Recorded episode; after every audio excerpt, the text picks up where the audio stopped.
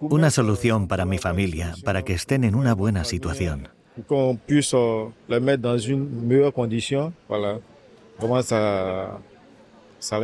Eso me gustaría, porque al otro lado no tenemos una vida mejor. Eso, para tener aquí una vida mejor.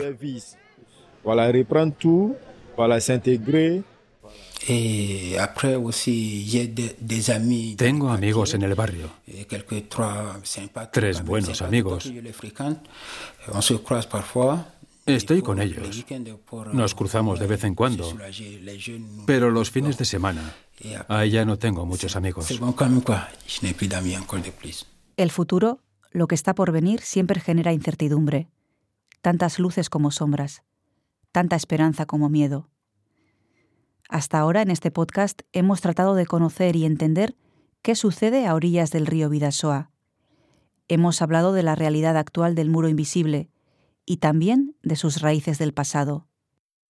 Pero en esta última entrega trataremos de poner la vista en el día de mañana, para prever el futuro y esbozar la crónica de una víspera de miedos e ilusiones.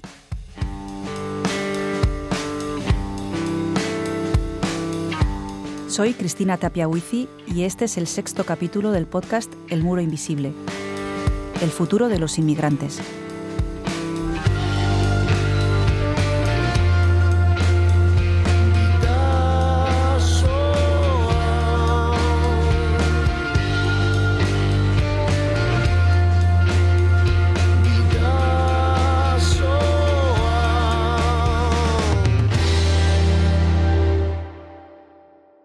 Algunos migrantes confiesan que no se arrepienten de haber venido a Europa, quizá por necesidad.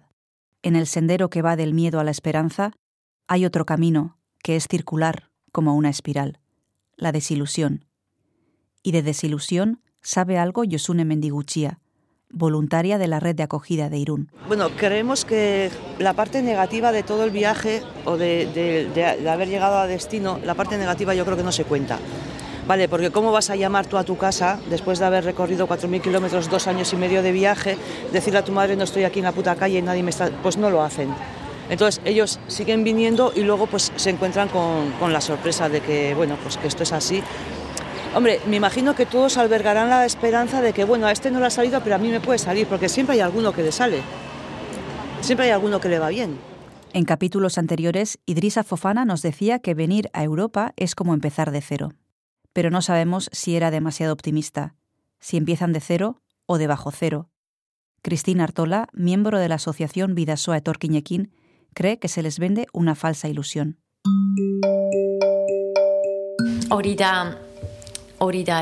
Ese es el problema fundamental. Ellos en sus pueblos entran en Internet y ven la televisión.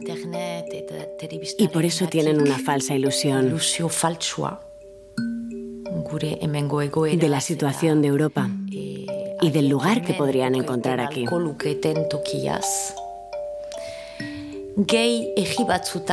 Además, en algunos países parece que es una especie de propaganda estatal que difunde y que estimula esa ilusión y que empuja a los jóvenes a huir.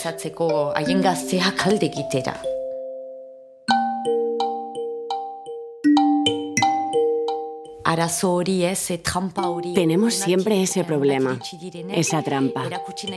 Quienes llegan aquí quieren demostrar a los de allí que han llegado, que han conseguido algo. No les pueden decir, no vengáis, aquí solo hay miseria. Entonces, sin venderles demasiada ilusión, les cuentan que han conseguido algo.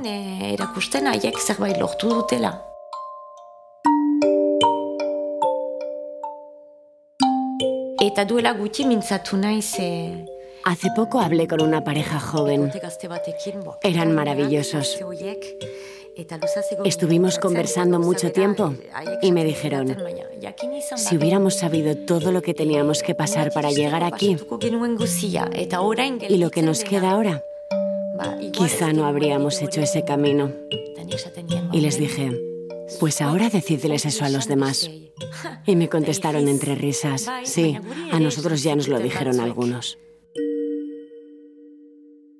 Si lo hubiéramos sabido, no habríamos hecho ese camino, dice Christine, repitiendo las palabras de aquella pareja. Pero siguen viniendo. ¿Por qué? ¿Tanto les engañan? Entre el gélido infierno y el cálido infierno está el cielo, si es que el cielo existe. Ya sabes, yo no puedo decirles a mis amigos que no vengan. Me dirán que soy egoísta, que yo ya estoy aquí y que les digo a ellos que no vengan. Pero no podía entenderlo ni aceptarlo. Porque yo he hecho el camino. Ahora lo sé. Pero ahora, aunque les explique a los demás, el resultado será el mismo.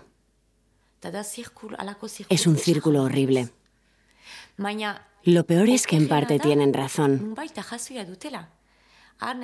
Allí no tienen oportunidades, y no porque vivan en países pobres, porque Guinea, por ejemplo, no es un país pobre. Tienen gran cantidad de recursos, pero ocurre lo de siempre, no están bien repartidos. Sienten que no pueden hacer nada allí, aunque estudien, peleen, trabajen.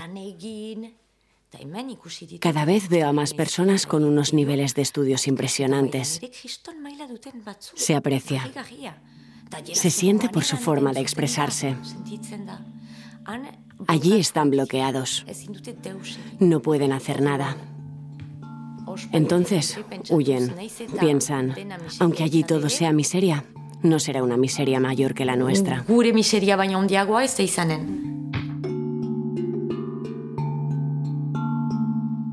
El voluntario Gary Garayalde cree que en un mundo sin fronteras, muchos migrantes regresarían a casa, al ser conscientes de las enormes dificultades que conlleva el camino.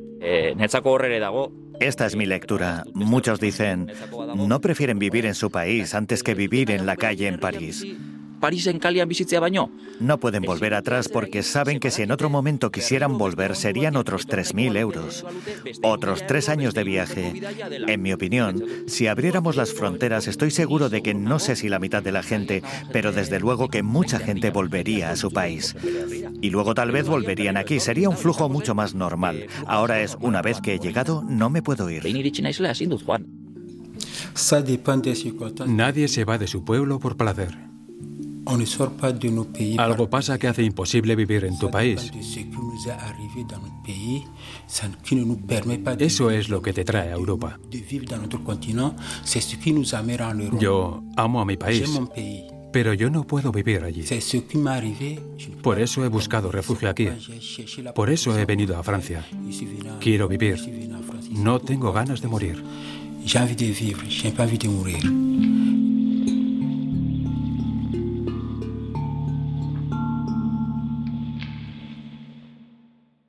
Akla insiste en que quiere vivir, pero tiene muchas dudas sobre el futuro. Inquietud, pánico, miedo. El concepto del miedo ha aparecido varias veces en este podcast. Lo han sacado a colación varias personas. En esta conversación entre el cura de Endaya, Jean-Marc Lavigne, y el joven de Togo, Ali Akla, nos ha quedado claro cuán grande es el poder del miedo y lo equivocados que estamos. No me siento amenazado. No tengo miedo de vivir con humanos. ¿Dónde está la diferencia?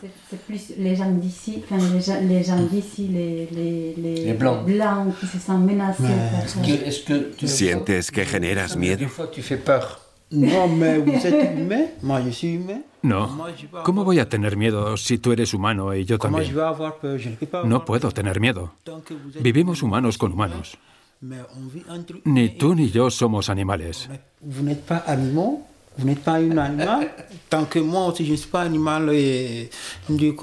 ¿Por qué tener miedo? El infierno son los otros, decía el escritor y pensador francés Jean-Paul Sartre. Según sus palabras, es posible identificar a los verdugos rápidamente, porque el miedo se les ve reflejado en la cara. ¿Miedo a qué, sin embargo? El bercholari y escritor Ahmed Zarzayus lo tiene claro. Bueno, cada uno desde su ámbito hace lo que puede. Y yo creo que cada uno de nosotros puede hacer algo. Y esas personas que tienen en sí el impulso xenófobo El discurso racista. Digámoslo así, el voto racista. Eh, Pienso que no nacen así de forma natural, sino que algo les ha llevado a pensar así. Muchas veces el desconocimiento te conduce al miedo, y con el miedo te atrapan y se aprovechan de ti para que seas un amplificador de ese miedo. Su amplificador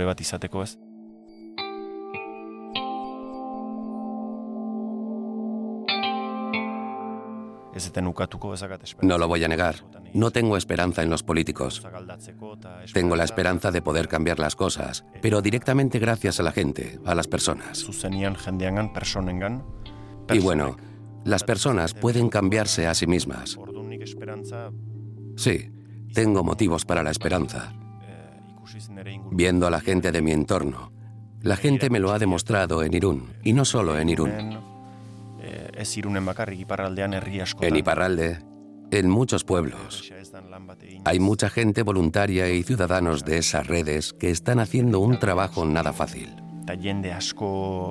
Tratan de integrar a las familias migrantes.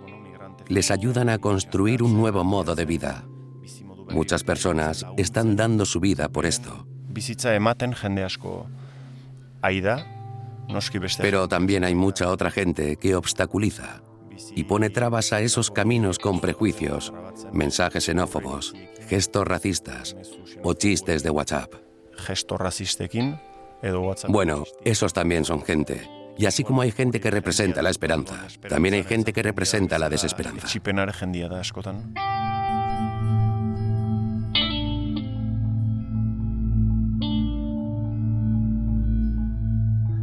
Bye. Eh, nos han metido miedo a que nos quiten el trabajo, pero no sé por qué decimos eso.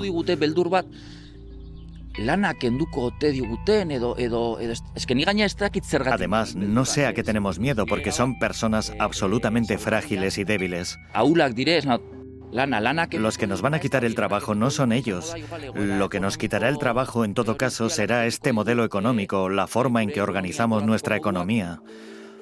Hay paro con o sin migrantes, entonces no sé a qué tenemos miedo. Sé que hay ese punto, pero pienso que es más que miedo.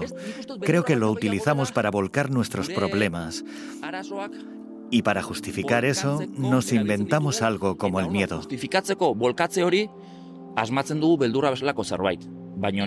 Hablando con la gente, creo que ese miedo real no existe. Pero necesitas inventar algo. Le he dado mil vueltas y no entiendo cómo se puede tener miedo a algo así.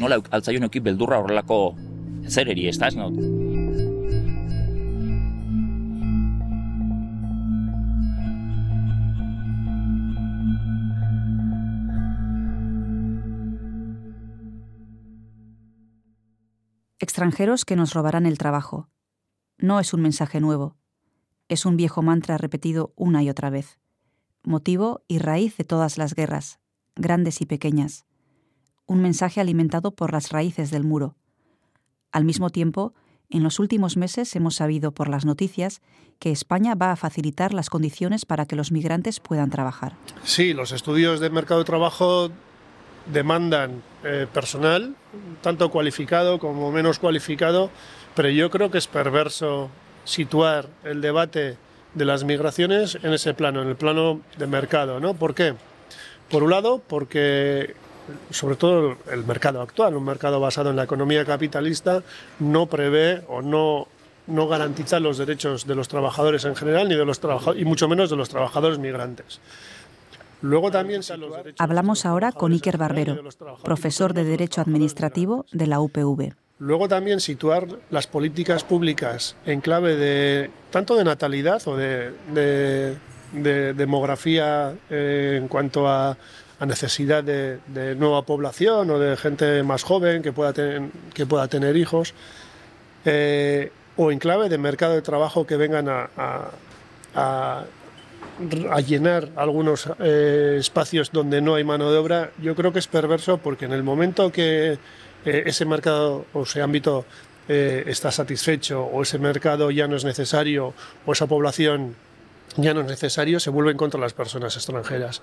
Por tanto, yo no lo situaría en eso de clavo. Yo creo que la clave fundamental para situar la gestión de las migraciones siempre deben ser los derechos de las personas, los derechos fundamentales recogidos en los tratados internacionales y, si se quiere, también en, las normativas eh, estatales. ¿no? Migrantes como Idrisa y Bama, a quienes vamos a escuchar ahora, desempeñan esos trabajos que nosotros no queremos, los empleos más duros sin contratos ni derechos.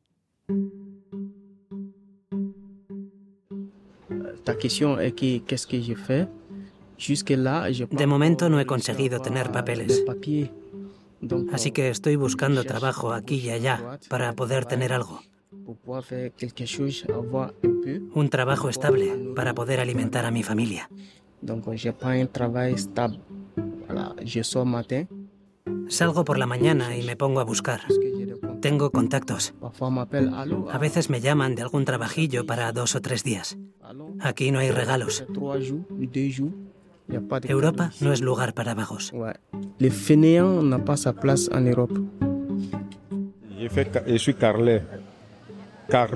Aprendí a trabajar la cerámica, la losa, como albañil. Voilà, c'est ce que j'ai appris.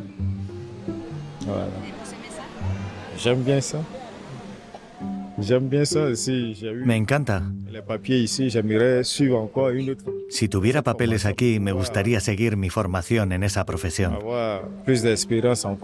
que me gusta mucho.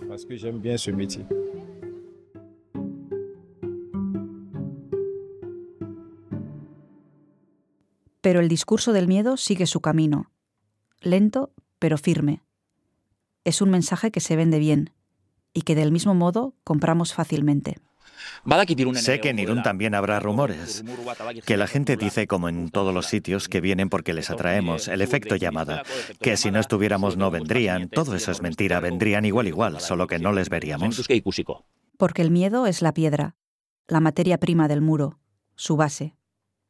El miedo es el que ha construido sus paredes, ladrillo a ladrillo, el que nos acobarda y nos endurece, porque el miedo es frío, inmóvil, monolítico, fuerte. La esperanza, en cambio, es como el sirimiri, algo similar a ese baile de rayos que apenas se perciben antes de que salga el sol. Algo sencillo, pero frágil. Casi una invención. Pero aún así, o por eso, la esperanza es la flor que le debemos a la espina. Francisco Rodríguez el abogado que trabaja con migrantes, habla de metamorfosis social. No somos muchos, así que habrá que esperar unos años. Sigue siendo necesario no ver al extranjero como extranjero, es decir, como una persona que no es ciudadana. Hay que verla como un ser humano que tiene derechos. La condición humana no prescribe. Todavía tenemos que esperar, pero creo que en los próximos años veremos si podemos conseguir algo o no. Sin embargo, el objetivo es que estas personas puedan vivir con dignidad. El primer poder en Francia yo creo que no es ni el presidente ni el gobierno. Para mí son los jueces. Con la autoridad judicial puede haber una metamorfosis social.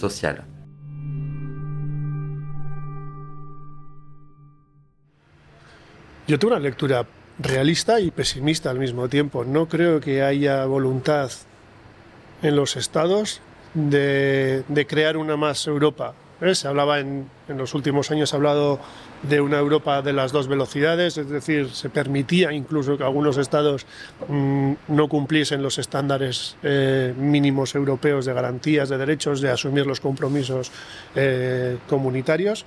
Y al mismo tiempo yo creo que no hay un liderazgo en la Unión Europea, si acaso algo podría ser anteriormente Angela Merkel, pero ahora mismo eh, no hay un liderazgo, no hay, un, no hay nadie en la Unión Europea que apueste por más Europa. Esto lo vemos, por ejemplo, en el Pacto Europeo para las Migraciones y el Pacto para el Asilo, donde precisamente se da se da alas a ese proyecto de más control de las fronteras, eh, menos derechos de los migrantes, eh, restricción del, del derecho de asilo. Por tanto, siendo realista, tengo que ser pesimista. Un poco más optimistas que Iker Barbero se muestran Amech, Christine y Gary, que escucharemos a continuación. Bueno, bueno, las cosas pueden cambiar poco a poco. Por desgracia, es cierto que en algunos lugares están cambiando más en la otra dirección. Y en Iparralde, por ejemplo, nos afecta. En Francia hay elecciones en mayo y sí, da miedo ver hacia dónde puede soplar el viento. Pero bueno, yo no voy a perder la esperanza en las personas, en la gente. La vida cotidiana te enseña pequeñas cosas que te van cambiando poco a poco. Y aquí hay trabajo que hacer. Yo, en concreto, vivo en Sara y cuando paso por Lizuniaga al regresar de mis cenas de Bercholaris pienso, ahí viven, al borde de la frontera. Y esa frontera nos ha herido, pero nos ha enseñado otra forma de mirar el mundo. Y creo que lo que nos toca es abrir las puertas, difundir el mensaje y seguir ayudando. Tengo esperanza, pero no en la política, sino en la gente, en personas concretas e individuales. Y lo bonito es que en muchas familias está pasando eso. A veces son los hijos quienes llevan a sus padres, a veces al revés, y se está convirtiendo en un deporte popular.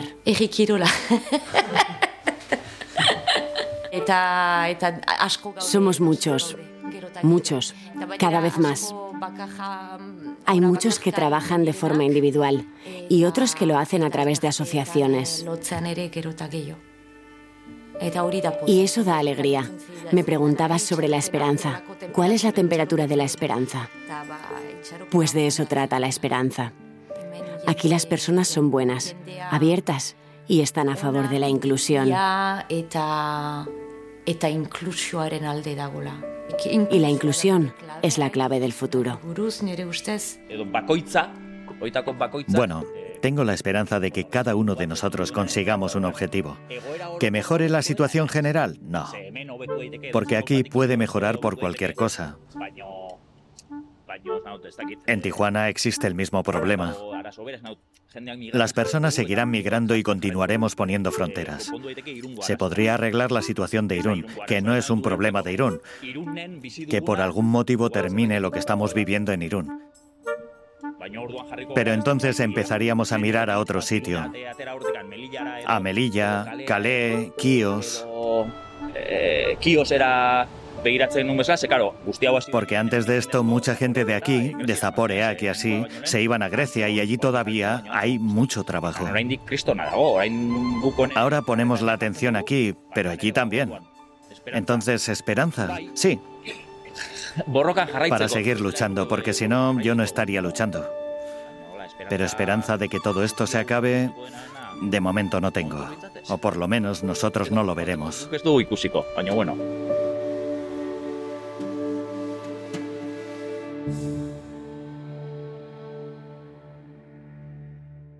Esperanza para seguir luchando. Cada migrante emprendió una lucha desde que abandonó su hogar. Unos llegaron a la capital de su país, otros al estado vecino. Sin embargo, otros han encontrado en el desierto o en el mar el final de su viaje. Y quienes han llegado a su objetivo también siguen peleando.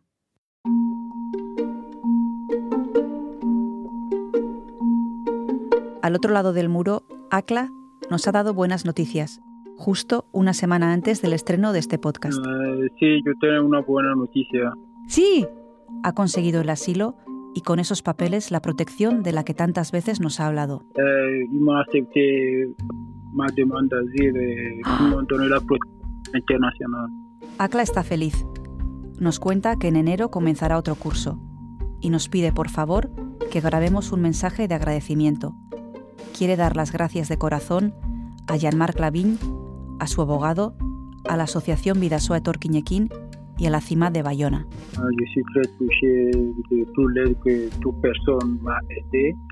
eh, Por otro lado, Idrisa, a quien conocimos en París, nos ha enviado un audio de WhatsApp. Allô, bonsoir, bonsoir, Cristina. Está bien. Bien entre comillas. Ya no vive en el hotel en el que le entrevistamos junto a su familia. Se han mudado a la estación del Este. Ibrahim continúa feliz en el colegio, pero Idrisa sigue sin papeles. De hecho, en 2021 hubo 103.000 solicitudes de asilo en Francia. Solo el 25% obtuvo una respuesta afirmativa. Me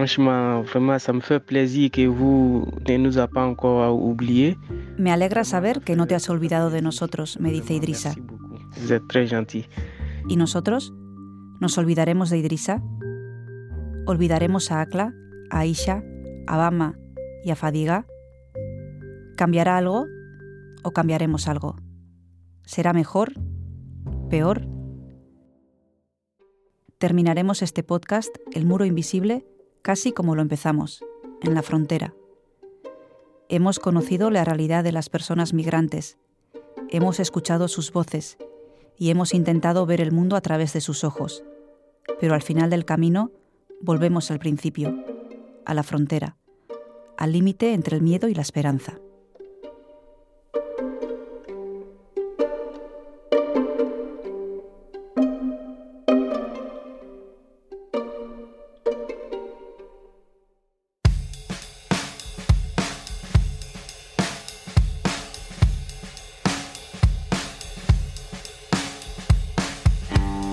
El Muro Invisible es una serie documental realizada por Ulu Media para EITV Podcast y cuenta con la ayuda de la Diputación Foral de Guipúzcoa. Yo he sido la directora y la productora. Xavier Echeverría, Martín Echeverría y yo nos hemos encargado del guion. Las grabaciones han sido realizadas por Juan G. Andrés y Oyer Aranzábal. También son suyos el montaje y el diseño de sonido, realizados en Ulu Estudio de la Sarteoria. Silvia Tapia Huizi ha trabajado como traductora y John García ha montado la versión en castellano. La canción utilizada como sintonía, titulada Vidasoa, pertenece al grupo Willis Drummond. Nuestro más sincero agradecimiento a los miembros de Irungo Herrera Sarea, a las asociaciones Vidasoa Etorquinequín y Utopía, a los voluntarios y a todas las personas que han participado en este proyecto, especialmente a los migrantes que han pasado por Irún. A ellos está dedicado este podcast. Recuerda que puedes escuchar El Muro Invisible en ATV Podcast o en la plataforma que prefieras. Suscríbete y si te gusta, compártelo con la familia y los amigos.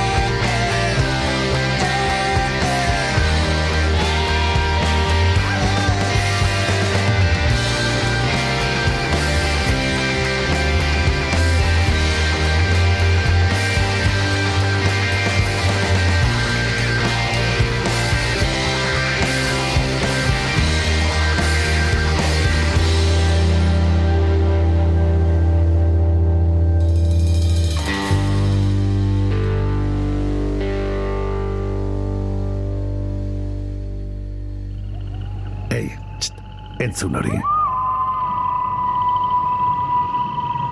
Ulu Media.